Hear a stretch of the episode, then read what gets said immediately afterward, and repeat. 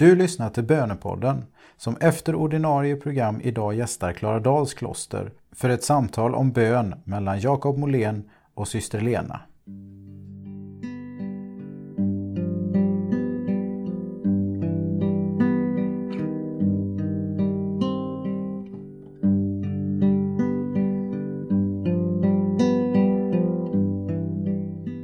Att bli ett helgon har någon sagt kräver inte mycket tid, men det kräver mycket kärlek. Och det enda sättet att kunna ge kärlek är att först ha tagit emot kärlek. Vem kan ge det man inte själv har tagit emot? Nu är det tid att möta Gud i bön och reflektion och fyllas på av Guds kärlek, den gudomliga kärleken som aldrig tänker på sig själv. För att bli ett helgon som älskar utan att tänka på sig själv.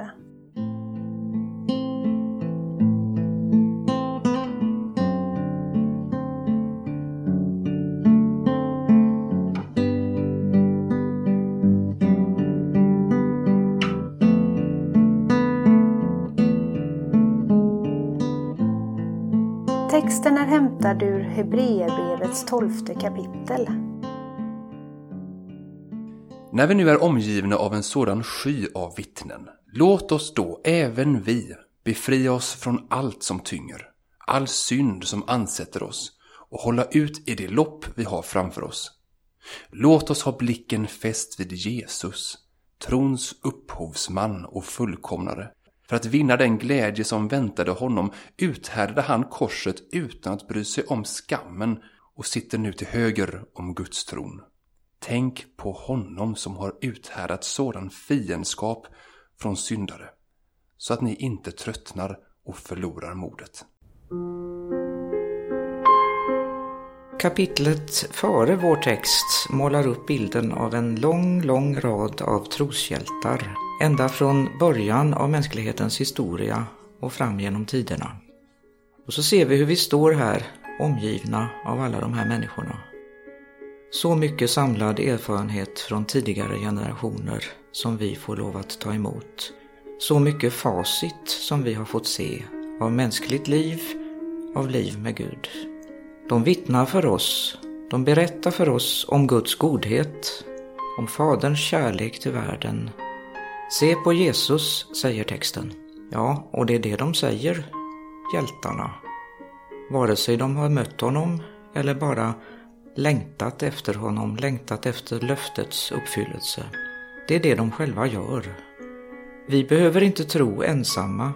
Vi får göra det tillsammans med dem, vara i gott sällskap. Och vi är inte heller utlämnade till vår egen förmåga att tro. Se på Jesus, trons upphovsman och fullkomnare, står det i texten. Den heliga Ande väcker, stärker och fullkomnar vår tro. Och vi får se på Jesus så att vi inte tröttnar och förlorar modet. För det är ju faktiskt meningen att vi inte bara ska stå omgivna av alla vittnena. Vi ska finnas med i den här kedjan av vittnen genom alla tider. Vi ska springa vår del av den heliga stafetten där vi tar emot och där vi ger vidare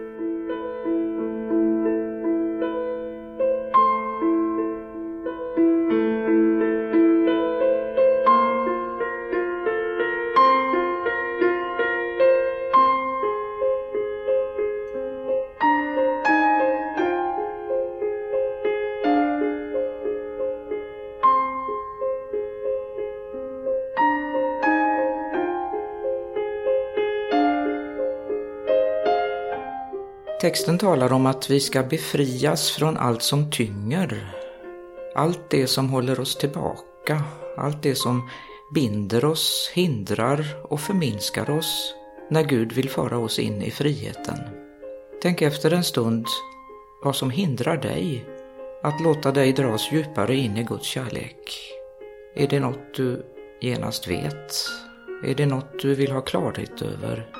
Be den heliga Ande att leda dig att se och att handla med det du ser.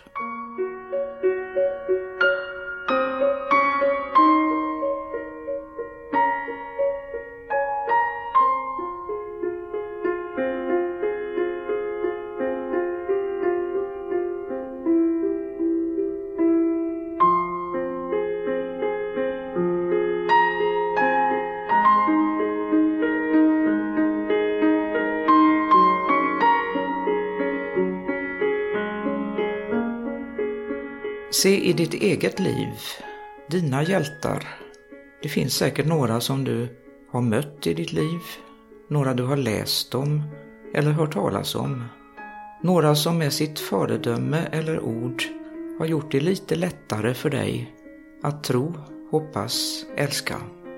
Se på dem, betrakta dem, tänk på dem och tacka för dem. Och slå sedan följe med dem.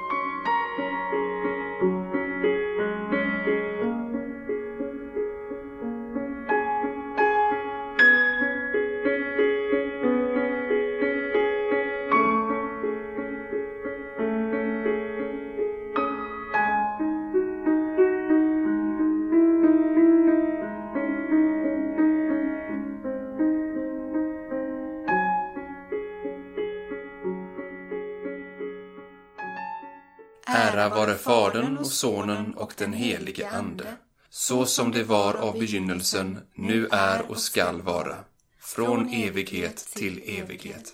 Amen.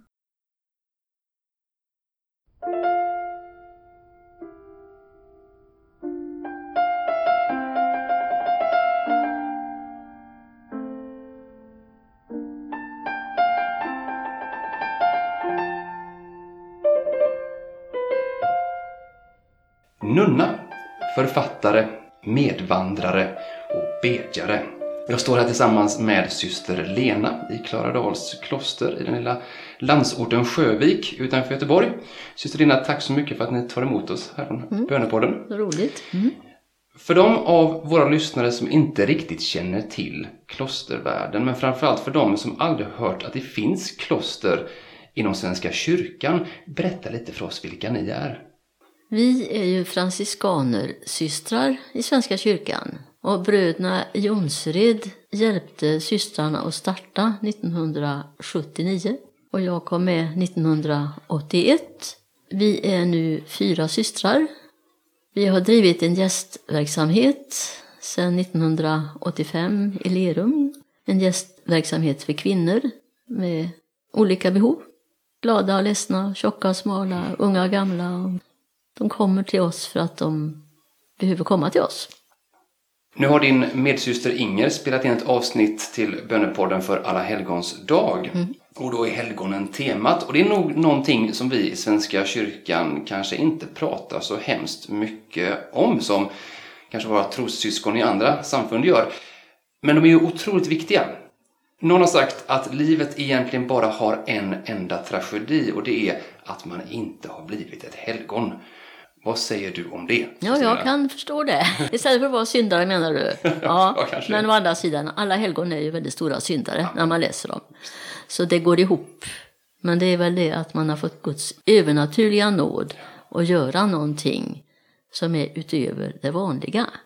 Och då har vi goda förebilder i den här troskampen som blir när man sätter igång det projektet. Mm. Hur blir vi helgon då? Det vet jag inte. Det måste Gud veta. Ja. Har du något favorithelgon då, förutom Franciscus eller Klara? Hmm, det var svårt. Jag har nog um, en uh, privat munk som inte jag vet vem det är, som dykt upp i min dröm. Ja. Jag kan inte veta vem det är, men han är ortodox. Han undervisar om Jesusbönen. Jag ska återkomma till det här med Jesusbönen. Mm. Här befinner vi oss nu i en miljö och ett sammanhang där bönelivet är något som tas på djupaste allvar och med seriös dedikation. På ett sätt som de allra flesta tror jag av våra lyssnare och kanske givetvis jag själv inte är helt vana vid. För här sitter bönen verkligen i väggarna. Det var något som slog mig när man kommer in här. Därför tänker jag att jag tar av mig silkesvantarna här och går rakt på sak. Mm. Syster Lena, vad är nyckeln till ett bra böneliv? Ja, det är väl att misslyckas gång på gång. För det är ju inte vi som är duktiga att be. Det finns inget lyckat böneliv. För mig finns det en tro på Jesus, att kunna gå i efterföljelse, att läsa Bibeln, att inte bara läsa Bibeln, inte lära sig Bibeln, utan göra Bibeln så att den kristna tron går ut i handlingar, i ben och armar. Och då behöver man hjälp eftersom man misslyckas så väldigt mycket. Man gör ju det. Ja. Man gör ju det. Det gör ingenting. Nej, det, det, Jesu försoning finns ju. Syster Lenas böneskola heter boken som Mm. du har författat tillsammans med Ulrika Nilsson Lokrans. Berätta, varför behöver vi gå i böneskola? Ja, de frågade Jesus hur vi skulle lära oss att be. Så lärde han ut Fader vår. Så att lärjungarna till Jesus frågar sig, lär oss att be. Och så säger Jesus, gå in i din kammare. Stäng igen dörren, be till din fader i det fördolda. Då ska din fader som ser i det hemliga bönekammare ge dig bönesvar. Jag skulle vilja haka tag i det som du sa här, det här Jesus-ordet som du citerar. Därför att du skriver själv att du använder en speciell modell eh, för ditt eget böneliv. Eh, en modell som är hämtad just ur Matteus evangeliets sjätte kapitel och sjätte versen. Och där säger Jesus till oss, gå in i din kammare, stäng igen dörren, be till Fadern i fördolda. Då ska din fader som ser i det fördolda belöna dig. Varför är detta en bra modell? För det första har Jesus gett oss den modellen. Och det är hans eget ord, det är inte Lena som säger det, utan det är Jesus som säger det till oss. Så vi kan stiga in i förtroende av att börja vi och stiga in i bönekammaren. Stänga igen dörren, ta bort en massa oljud i den meningen att vi stänger av alla telefoner och sådana där apparater som stör oss eller människor. Så vi kan vara ostörda med Jesus en tid. Om du och jag gör en inspelning så har vi ju stängt dörren, koncentrerar oss på vad vi ska göra och vad vi ska säga. Om vi ska tala med Gud, det är ju samma sak.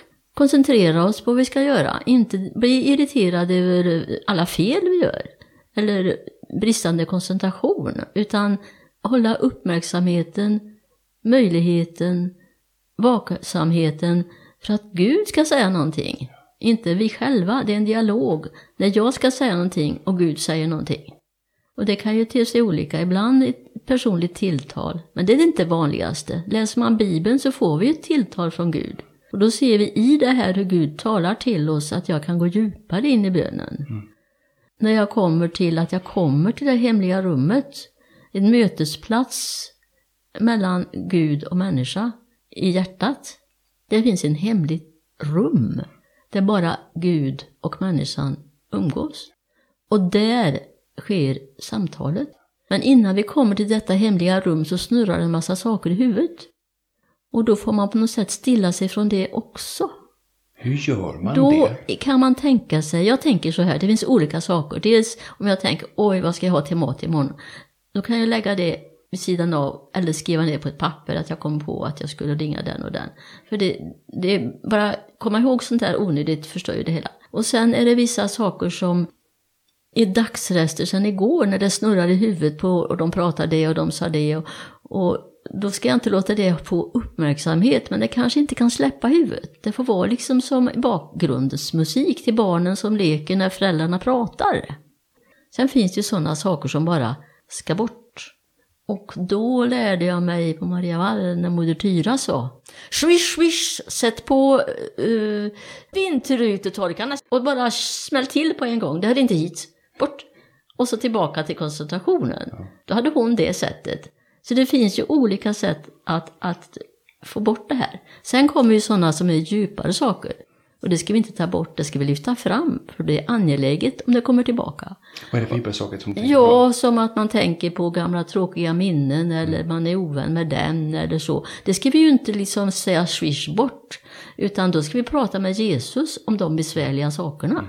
Så då blir det ett samtal i det hemliga rummet med Jesus om alla besvärliga saker kanske, eller glada saker eller sånt som, som kommer upp, som man pratar med Jesus om. Men då har vi ju liksom inte haft några diskussioner, jag har ju lyft fram det till Jesus.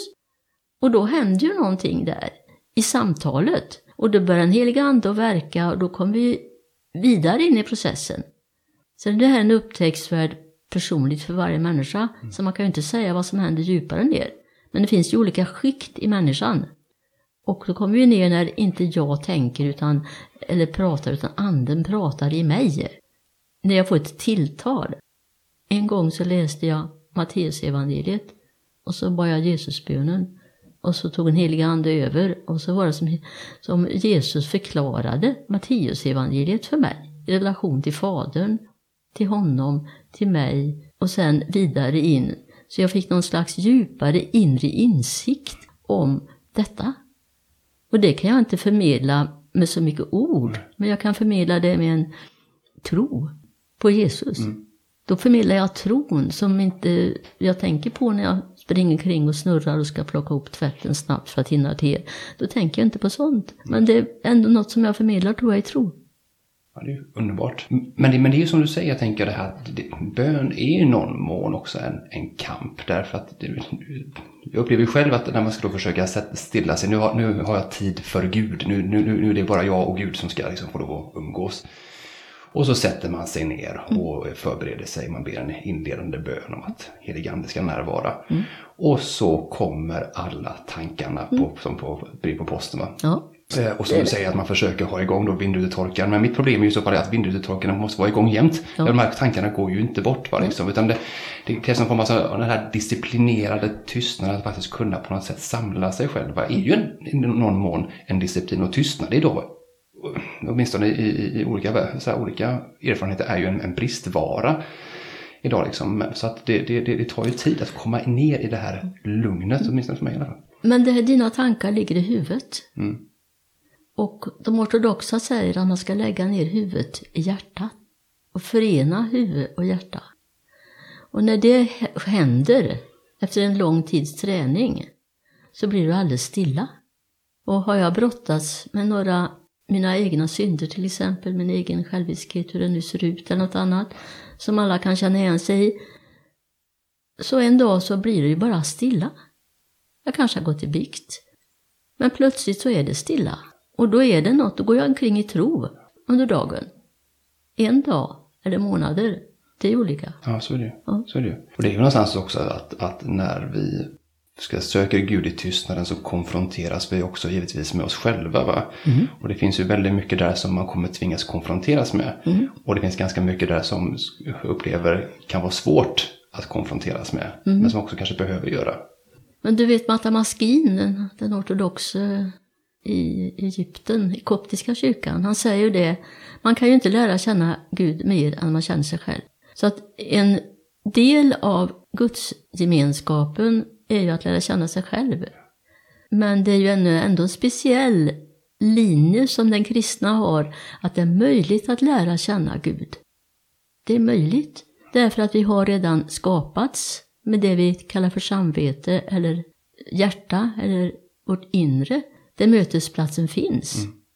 Och försoningen är redan gjord för 2000 år sedan. Dörren står öppen och vi har möjligheten att bara stiga in och gå på den vägen.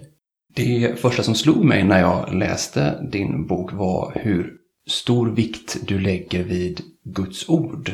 Guds ord som ett hjälpmedel och ett redskap för bönen. Och där så skriver du och berättar om läsa-ord, leva-ord och lära-ord. Berätta lite vad du menar med Bibeln som läsa-ord, leva-ord och lära-ord. Ja, Bibeln är ju viktig. Vi lever i en luthersk kyrka och jag tycker vi läser alldeles för lite Bibel. Och vi får inte alls så mycket glädje och tröst som vi skulle kunna få genom att läsa Bibeln. För det är en väldigt trosstärkande bok. Det är vårt andliga dokument. Så det är grundläggande för alla kristna. Och först läser man ordet. Då försöker man ju förstå det. Läsa ord. Förstå innebörden. Vad menar Jesus? Varför säger Paulus så? Men vad är det här? Betesta, vad är det för någonting? Man har många frågor när man börjar läsa Bibeln. Så man får sätta sig in i, i um, Bibelns tankevärld. Men nu har vi ju datorspråk och jag måste sätta mig in i datorspråket för att kunna sätta på en dator och koppla vidare. Så varför ska man inte kunna läsa Bibeln på samma sätt? Det är ju bara att sätta sig in ett tag i det här spännande.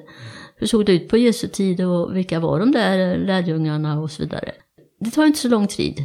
Men sen finns det ju någonting som appellerar direkt till oss idag, att det som hände för 2000 år sedan är ju giltigt här och nu.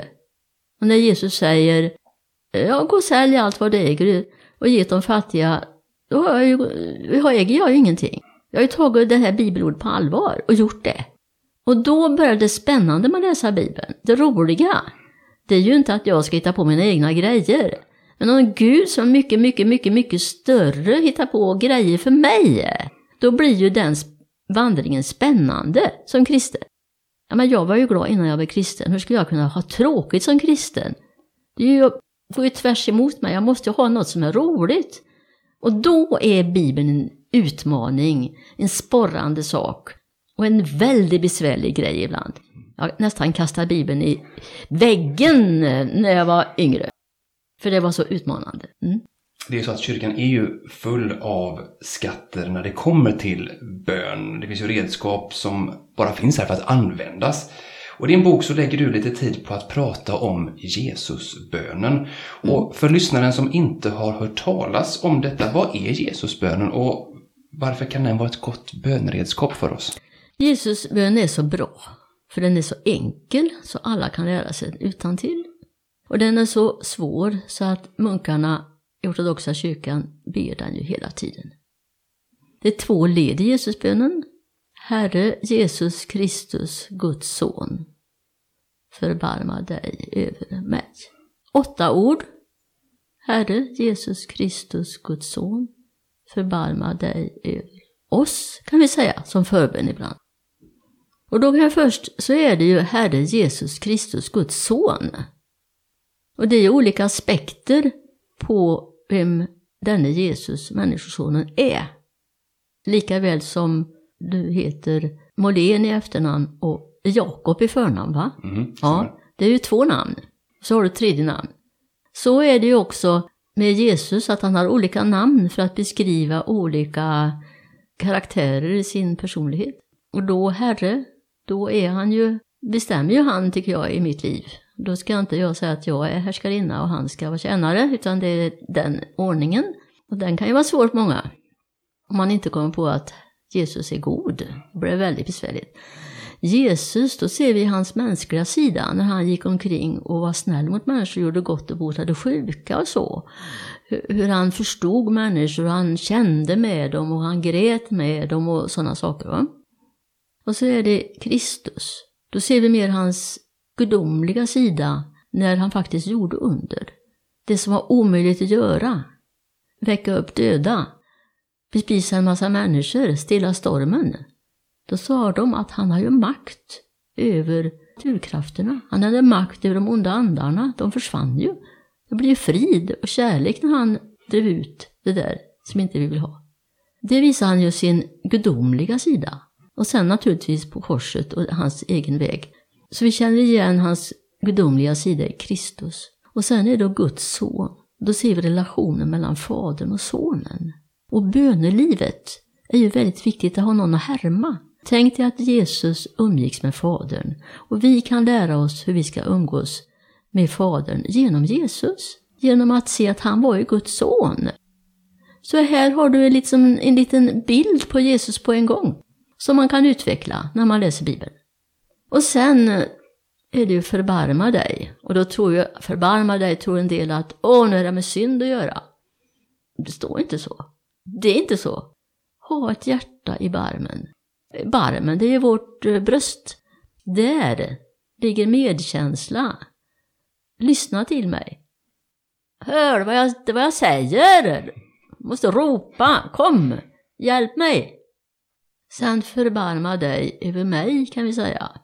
Men i mässan så säger vi förbarma dig över oss. Och då ber vi ju för oss som kristna, men vi ber ju för hela världens lidande människor, oss.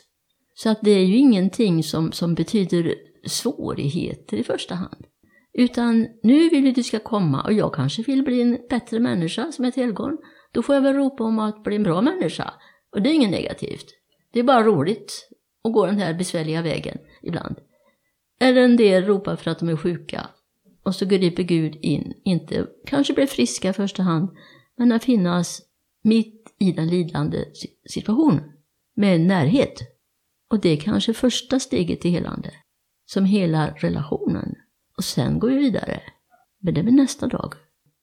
Eh, det finns ju en viss skepsis eh, bland ja, somliga av våra syskon i tron mot just repetitiva böner som den här Jesusbönen mm. ändå är. För det handlar ju om att man ska repetera den och, och, och verkligen liksom säga att, att, att den blir en del av ja, nästan ens andning. Mm. Eh, och att det här så skulle gå emot det Jesus säger i Matteus 6 han säger, och när ni ber ska ni inte rabbla tomma ord som hedningarna, de tror att de ska bli bönhörda för de många ordens skull. Vad tänker du om det? Finns Jo. det risk för kollisioner? För det första, när man rabblar Jesusbönen så rabblar man ju inte tomma ord. Man rabblar mycket meningsfulla ord. Om du rabblar meningsfulla ord, vad ska du göra då? Då får du börja tänka på vad det betyder. Och då får du fördjupa dig i den lilla inledningen som jag gav här, grunden. Och se vem är du Jesus? Vad händer i mig när jag säger Kristus?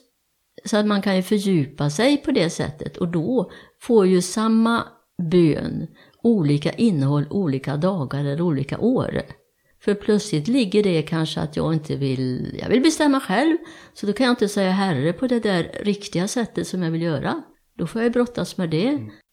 Och sen en dag så säger jag Herre och allting är frid och fröjd. Och då ber jag Herre förbarma dig över mig. Och då blir det en, då blir det en ton av lovsång. Och då har du förbarmat mig, då blir det en ton av tack. Men jag säger samma bön och sen blir innehållet i bönen olika olika år. Och det, det är just det som är vitsen. Använda en bön, yttre mening, så jag kommer djupare in i det här hjärtats hemliga rum. Där ligger centrum. Föreställ dig nu att någon kommer till dig och säger Syster Lena, jag, jag ber och jag ber och så ber jag, men Gud svarar mig inte. Vad säger du då? Det är frågan om han bönhör inte på det sättet eller om han svarar just på den bönen. Det finns ju folk som, inte blir, som är sjuka, som inte blir friska i den här världen. Men de har en underbar levande tro på Jesus. Relationen är upprättad, men de är inte helt friska. De är klara i knoppen psykiskt, de är klara i relation till Gud och kroppen är skruttig. Så långt kom helandet. Men ser man inte den delvisa helandet och sen kanske bönen är felställd ibland. Om jag ska be om godis så klart jag kan få det. En gång så bad jag om godis när jag åkte till vårt sommarställe. Pappa stanna bilen, jag vill ha glass. Pappa, jag vill ha glass. Pappa stanna bilen. Pappa, jag vill ha glass. Tredje gången fick jag äta glass. Sen kräktes jag. Sen har jag aldrig bett om så mycket dumheter. Nej, men det är bra. Det är så att Gud ser längre än vad vi gör. Ja, någonstans, och vet vad som blir bäst. Och jag också hört det att jo, men det är klart att, att Gud alltid svarar. Men det, det är så här, Gud har en förmåga att antingen alltså svara ja, nej eller framförallt vänta. Och det kanske är väl det som att man måste vänta, uthålligheten, liksom, fortsätta lyssna, liksom, fortsätta be. Men det är ju frågan om jag kommer att jag vill ha saker och ting av Gud. Eller om jag kommer och vill ge någonting av, till Gud. För om bara jag vill ha så blir jag en stor egoist. Hur ska han svara sådana böner? Han vill väl inte att jag ska bli en egoist? Alltså svarar han för att jag ska upptäcka att jag ska ge honom någonting? Här har vi offertorium, då offrar vi åt Gud. Vi ger Gud någonting. Och all relation mellan man, människor är att ge och ta. Vi kan ju inte bara gå omkring som stora egoister. Nej men så är det och, och jag upplever att, Jesus generaliserar ju nu, men, men mycket i vår tid handlar om säger devisen, vad kan det här ge mig? Oavsett vad man ger sig på så att Ja, säga. Man tar ett nytt arbete och frågar sig, vad kommer det här ge mig? Man, man kanske etablerar en ny relation och undrar, vad kommer det här ge mig? Och risken är ju den att man närmar sig Gud med, vad kan Gud, vad kommer Gud ge mig? Vad, vad ska kyrkan ge mig? Ja, men eh, allt detta är ju galet helt enkelt. För det finns, jag har skapats med en kärlek att få när jag är liten och mamma och pappa tar hand om mig. Sen när jag är vuxen så kan jag också ge. Det finns en jag vill ge-kärlek och det finns en jag vill ha-kärlek. Men jag vill ha-kärleken får aldrig ta över ett kristet liv, för då går det åt skogen. Utan det ska vara mer jag vill ge, för det är då jag får tillbaka. Så det är generositetens princip. Jesus var fattig. Franciscus var ett väldigt fattig materiellt. Men han, var, han sa att vi har alla andliga rikedomar som finns. Vi har hur mycket himmelsk goda som helst. Det är bara att dela ut och förmera, förmedla det goda som Gud vill ge oss. Ja men så är det och, och tänk att alltså, vägen till att se det då handlar väl i någon mån om att träda ner lite grann ifrån sig själv. Jesus säger att om man vill vara hans lärjunge ska man ta korset och förneka sig själv. Vi lever ju också i en tid som handlar väldigt mycket om att du ska bekräfta dig själv oavsett vad. Men att, att, att någonstans träda ner ifrån egot, ifrån liksom min vilja och göra Guds vilja till, till min istället. Att det kanske är en, en, den, den vägen då. Finns det några hinder på vår väg som försvårar bönen? Och hur kan vi bli av med de andliga hinder Det var en svår fråga på en gång. Ja, det var det. För det första är det ju eh, olika former av synd. Uppenbara synder. Jag tror vi ska se att om vi bryter mot Guds vilja och är destruktiva så kan vi inte vänta oss bönesvar. Oförsonlighet, girighet och andra sådana saker. Och dåligt samvete är ett stort hinder för bön. Sen när jag sitter som en liten mus i ett råtthål och inte kommer fram och inte vågar. Det är också ett hinder för då kommer jag inte fram och säger som det är. Så att jag måste våga komma fram. Och då är rädslorna som är andra hindret. Sen finns det ju hinder som egentligen vi tycker vi inte kan rå för. När omständigheterna har gått åt skogen. Av någon anledning. Och det är inte mitt fel. Och jag har gott samvete men jag har inte gott samvete för andra människor lider.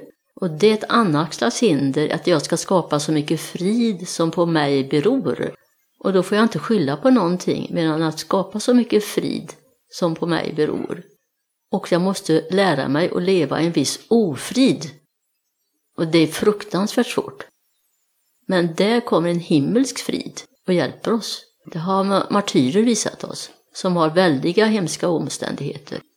När Gud står mitt i fängelsecellen och tröstar dem och talar om att de är älskade när de andra är elaka. Det låter lite grann då som att för att ha ett gott och friskt böneliv så är det inte bara ska säga, en individuell strävan och gärning vi har utan också behöver en större gemenskap, exempelvis då, typ att, att man också har ett kanske fungerande gudstjänstliv i någon mån där man får lov att komma till kyrkan, man får lov att bekänna sina synder, man får lov att få, få avlösningen, man får lov att ta emot den heliga nattvarden och kanske också eh, då även gå till bikt va, för att någonstans få undan de andliga föroreningarna som står i vägen Mm. eh, och få också vägledning i det, att komma förbi det. Du skriver om, och nu, nu, blir det ett tema här, men du skriver om dopet i den helige ande i din Ja, bok. ja. Och det här tycker jag är så härligt att du ägnar en, en del av boken till att prata om detta, därför att det är ju en terminologi som vi kanske associerar mer med frimodig, karismatisk frikyrkorörelse än först och främst kanske svenskkyrklig, ett sånt där språk som lite grann också upplever har vi alltså gått miste om. Men det är så gott att du, att du pratar om detta i din bok. Berätta lite vad det här är, det här med dopet i den heliga ande. Ja, den karismatiska rörelsen kom ju till oss på 70-talet när biskop Bertil ordnade bibelstudier. Och jag var bland de första och jag var en av de första i Göteborgs stift som blev andedöpt. Så att jag har ju varit med från början i den rörelsen. Och det är ju inte bara frikyrkan utan det är ju mycket en stor rörelse i katolska kyrkan. Och en kanske mindre i Svenska kyrkan då kan vi säga. Men det finns ju en sån rörelse där man räknar inte bara mänskligt utan man vill att det gudomliga livet ska komma ner till oss här och nu.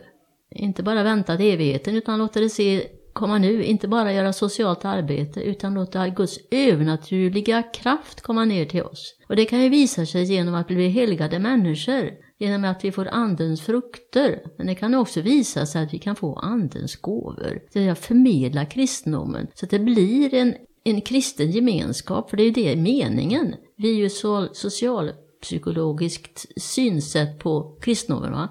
En personlig ansvarig kristen i en grupp med andra ansvarigt kristna gör ju en väldigt stark grupp, tänker jag. Och då kommer ju anden oss till hjälp.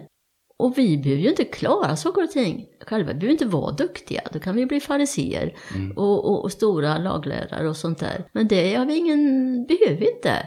Vi kan be ner Guds godhet på denna jorden. Och då ska vi inte tala om för Gud hur allt ska gå till.